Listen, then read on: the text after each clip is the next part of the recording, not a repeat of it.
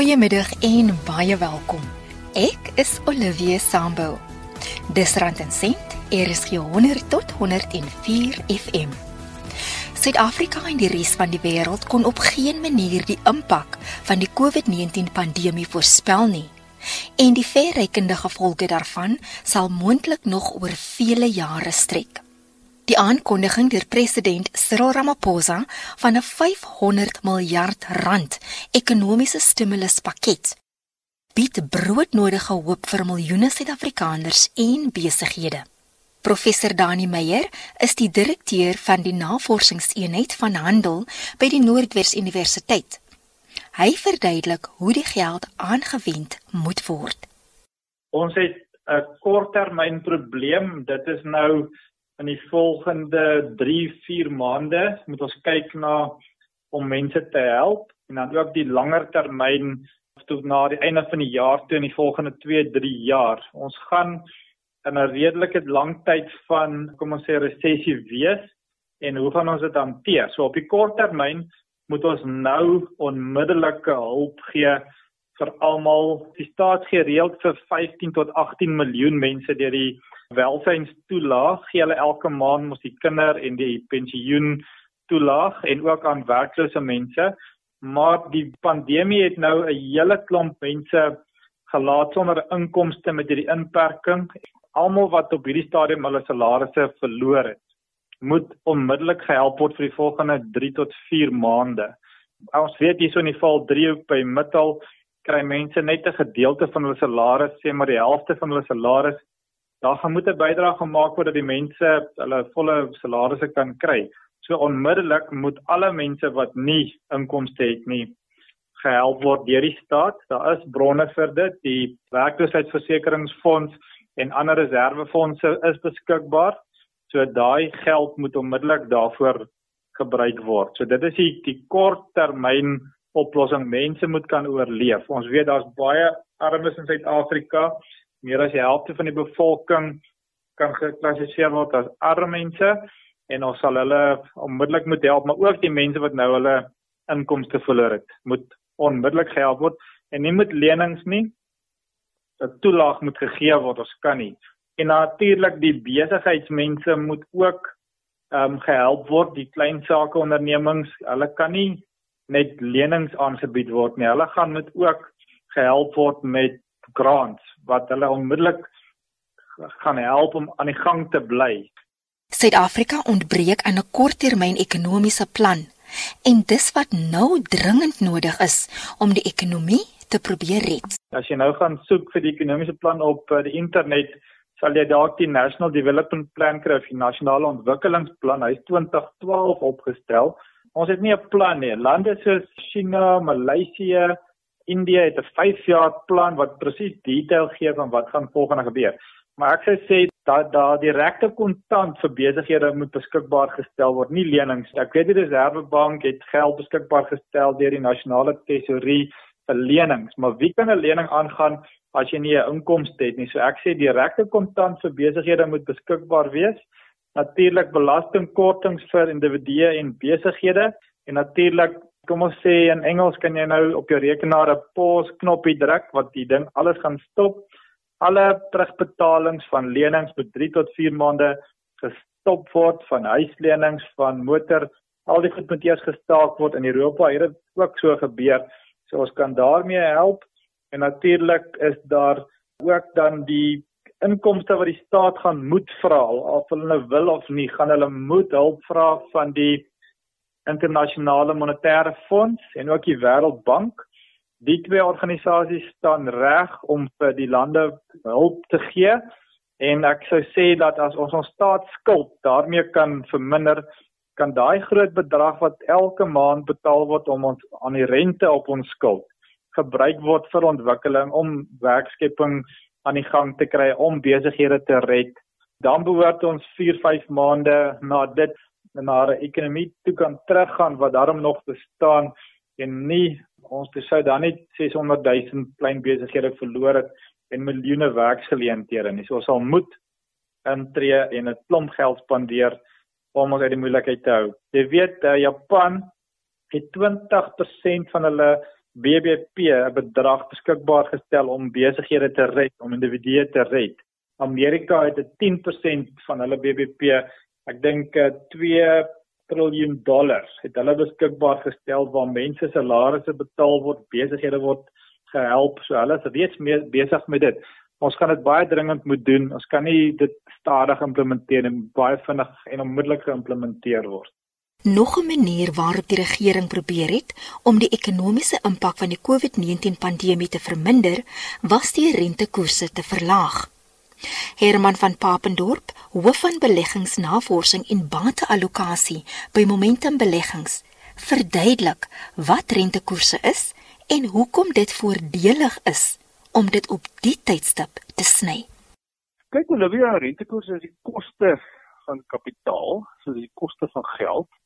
Ehm um, so rentekoerse as hulle verander, dan as jy 'n uh, iemand is wat geld moet leen, dan betaal jy die jaar se saak 'n bietjie meer op daai lenings wat jy aangaan. Maar as jy iemand is wat bespaar, dan kry jy ook 'n bietjie minder 'n uh, bietjie minder uh, geld op die geld wat jy dan gespaar het. So dit werk eintlik na beide kante toe as jy 'n geldlener is of as jy 'n geldspaarder is. Dis maar die koste van geld. Ja, ek dink daar kan definitief nog verdere rentekoersverlagings kom. Kyk, mense moet onthou dat uh om hierdie ekonomiese groei verlangsaming aan te spreek, is daar twee dinge wat jy kan doen. Of die die regering, die staat kan meer geld spandeer van die fiskale kant af, dis nou deur die begroting en so voort.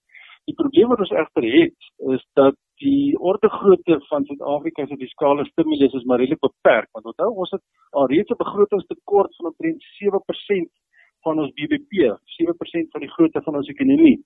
So ons het alreeds uh, ons spandeer alreeds meer aan die fiskale kant as wat ons inkomste kry. So daar is regtig baie wat hulle kan doen aan daai kant nie. Maar uh, ons eintlike manier om op die oomblik te help is aan die rentekoerskant want rentekoerse in Suid-Afrika is relatief hoog was relatief hoog voor die virus se impak, beide in nominale terme en reële terme, so daar was eintlik darm nou 'n ruimte vir die Reserwebank om wel rentekoerse van 'n hoë vlak af te verlaag. Jy weet baie ander lande in die wêreld se rentekoerse is al naby aan 0.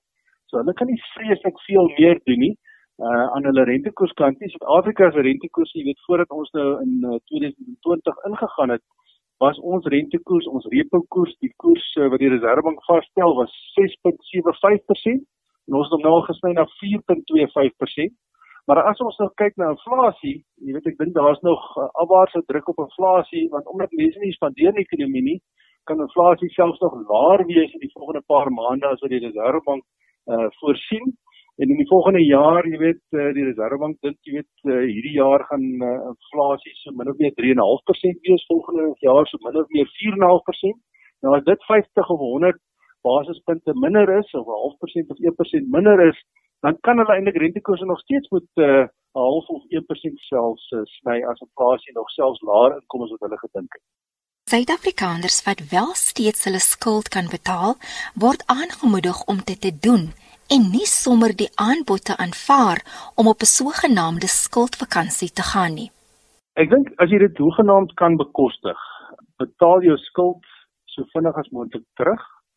Ehm um, as jy nie jou werk verloor het nie of as daar nie ander implikasies was op jou totale uitgawes nie, betaal nog steeds op dieselfde paaiement dit terug uh, wat jy voorheen uh, sou betaal het natuurlik met die lae rentekoers het jy nou 'n kleiner paaiement. So probeer om dit so vinnig as moontlik terug te betaal as jy natuurlik in 'n situasie is waar jy jou werk verloor het en dan nou uh, moet van 'n vakansie op jou skuld gebruik maak, gaan praat met jou finansiële instelling, gaan kyk hoe vinnig is dit vir jou moontlik om nog steeds weer te begin betaal want onthou die probleem is uh, jy moet daai geld in elk geval op 'n stadium weer terugbetaal. Party finansiële instellings sal dalk vir jou nie rente vra vir die tyd wat jy die vakansie op jou skuld het nie as dit natuurlik wel rente is vir die tyd wat jy nog die skuld moet betaal, dan is dit so goed om so vinnig as moontlik daai skuld terug te betaal. Dit net wanneer jy nie uh, met rente belas word ten tye van die vakansie op jou skuld nie, wat dit die moeite werd is om uh, dit dalk uit te stel. So gesels Herman van Papendorp van Momentum Beleggings. Ek het ook gesels met professor Dani Meyer. Ek is Olivia Sambo en jy luister na Rand en Sent. Er is 100 tot 104 FM. Jy kan 'n e-pos stuur na randencent rsg@gmail.com of stuur 'n WhatsApp teks of stemboodskap na 076 536 6961. Jy kan ook inskakel op die DSTV kanaal 813 of luister aanlyn by www.rsg.co.za. Suid-Afrika is op 'n mespunt in terme van die virus, die aantal geïnfekteerde mense. Ons moet nou maar net hoop en bid dat teen die einde van die maand hierdie infeksie koers gaan afkom na minder as 45 mense per dag. So gesels professor Dani Meyer van die Noordwes Universiteit. Ek is Olivia Sambo en dis rand en sent. Er is jou 100 tot 104 FM. Baie welkom as jy so pas ingeskakel het. Ons gesels nou verder oor die ekonomiese impak van die inperking. Professor Dani Meyer sê die regering het geen ander keuse as om die inperking geleidelik uit te faseer nie. Dit gaan hierso tussen gesondheid uh, lewens uh, wat gered moet word versus die ekonomie wat gered moet word. So dit is nie een of die ander een nie, ons moet al twee aan die gang hou. So ons moet die ekonomie oopmaak op die 1 Mei. Ons kan nie langer uh, inperking hê nie. Dit gaan die ekonomie verwoes en ons kan nie kan terugkom na enige tipe van 'n ekonomie as ons dit langer toehou nie. So ons moet ook op onmiddellike uh, grondslag van die 1 Mei af stapsgewys die ekonomie ontsluit, sal ek dit so kan noem, een vir een die al die sektore, die mynbou sektor, die landbou sektor moet oop wees, die vervaardigingssektor moet oopgemaak word, die verkoopsektor moet oopgemaak word waar dit moontlik is om social distancing daar te hê. So byvoorbeeld as jy in die klerebedryf is, 'n winkel het, moet jy toegelaat kan word om voort te gaan al moet jy baie van jou werk online doen, maar ons moet meeste van ons sektore nou oopmaak. Ons kan nie langer wag nie. Ons het nou wel die kurwe, die gesondheidskurwe bietjie platter gekry, maar dit beteken ons tel alles net uit. Ons tel die ekonomie uit, ons tel die toppunt van die uh, virus uh, infeksie rate in Suid-Afrika net uit dat dit langer gaan vat. Maar hoe langer ons vat om dit tot die piek te bring, hoe erger gaan die impak op die ekonomie wees. Ons kan nie net sê as hulle plat kurwe hê nie want die ekonomie gaan net soveel langer vat voor hy weer volledig aan die gang kan kom. Die stimuluspakket is 10% van Suid-Afrika se binnelandse bruto produk. En dis die bedrag wat volgens berekeninge nodig is om die ekonomie te red. En nie net lenings nie, maar ook uh, direkte kontant vloei binne in besighede en ook om hulle te help om hulle uitgawes heidaglik te te betaal soos wat hulle salarisse, hulle vaste kostes, hulle huurgelde, hulle al hulle kostes wat maandeliks is, moet hulle mee gehelp word of uitgestel word. En ons moet gou as moontlik die ekonomie stap vir stap oopsluit. Dit kan nie nou nog 'n maand kan ons in 'n uh, lockdown ingeplaas word nie want dan gaan ons hulle praat van meer as die helfte van klein sake sal dan ondergaan. Klein sake gemiddeld het omtrent 'n 30 dag reserve uh wat hulle kan oorleef. So hulle gaan nie langer tyd hê om te oorleef nie. Die klein sake gaan dan in moeilikheid wees. Die arm mense in Suid-Afrika gaan nie kan oorleef nie. Ons het nie eintlik 'n opsie nie. Ons moet die ekonomie 1 Mei oopsluit en as dit nou net stap vir stap is, is dit goed, maar dit moet relatief uh vinnig gebeur. Ehm um, ons kan nie langer aangaan soos wat ons aangegaan het en die hele land toesluit nie. Daar's baie mense wat gesond is wat kan werk en wat suksesvol kan uitgaan en kan gaan werk. Ek dink mense moet mense moet begin self besluit. Ek is dalk 70 jaar oud. Ek het 'n geskiedenis van baie kom ons sê van longontsteking. So ek sal dan 'n uh, 'n persoon wees wat wat miskien geaffekteer kan word. Ek moet maar by die huis bly vir nog 'n ruk. Maar gesonde mense, huiswerkers en so aan moet toegelaat word om weer te kan werk en so sal ons eh, die ekonomie stadig maar seker weer aan die gang kry voordat dit te laat is. 'n Gedeelte van die pakket sal by die internasionale monetaire fonds geleen word.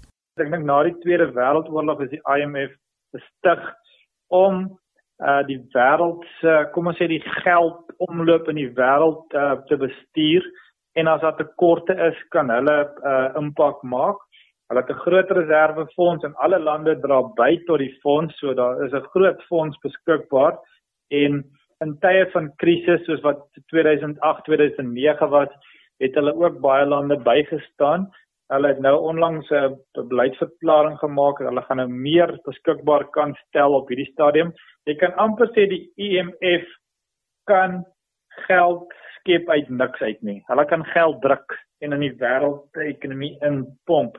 Net so ook kan die Reservebank dit doen, maar as dit gebeur, is daar 'n gevaar dat inflasie buite beheer kan raak. Maar ons weet wêreldwyd is inflasie ongelooflik laag op 'n laagtepunt op hierdie stadium. Suid-Afrika is ook Amerika en al die groot uh, lande in die wêreld het baie lae inflasie. So daar is 'n nodigheid dat daar meer geld in die stelsel ingepomp word op op 'n internasionale vlak en op 'n plaaslike Suid-Afrikaanse vlak.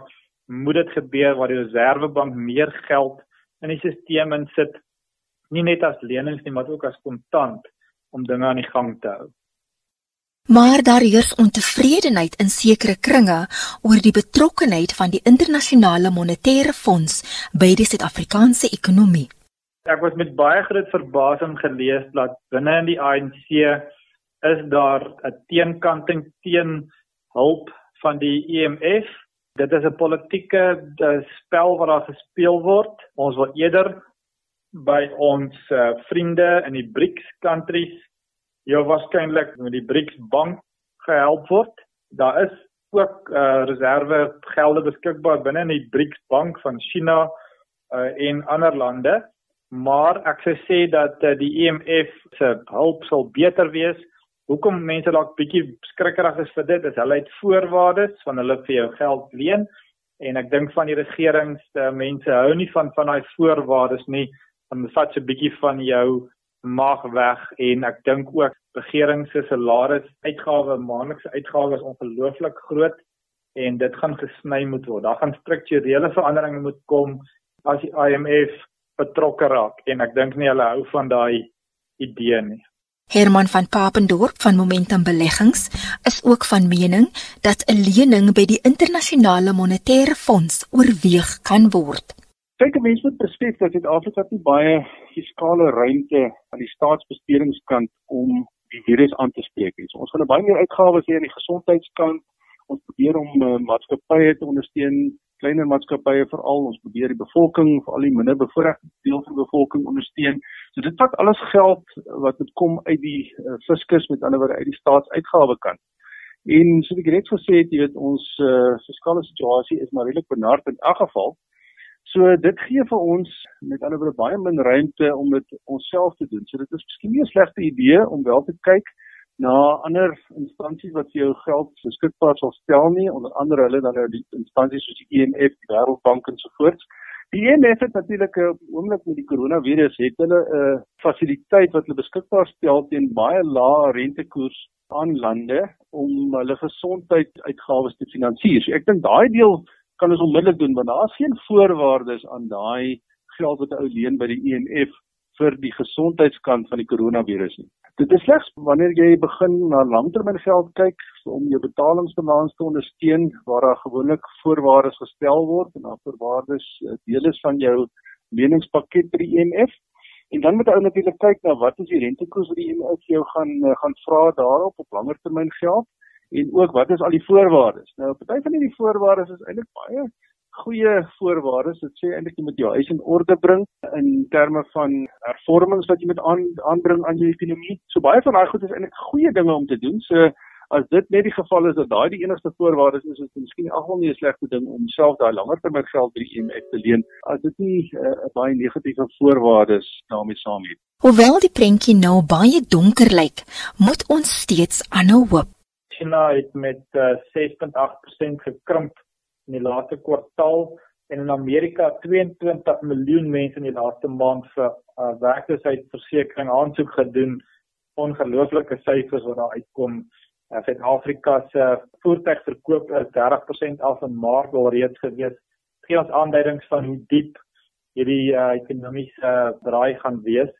Maar ons het die hoop dat die virus wêreldwyd het sy piek bereik, sy toppunt bereik. Dit lyk so as jy na die statistiek kyk maar kan altyd 'n tweede golf van die goed wees met weet nie in die verlede het dit so gebeur sê hulle vir my nou baie versigtig wees en ons moet hoop dat die piek daar is en dat hy nou gaan kan afkom en ons kan vorentoe kyk. Professor Dani Meyer van die Noordwes Universiteit. Ek was ook in gesprek met Herman van Papendorp van Momentum Beleggings. Ek is Olivia Sambo en ek groet tot volgende week. Wees versigtig en bly gesond.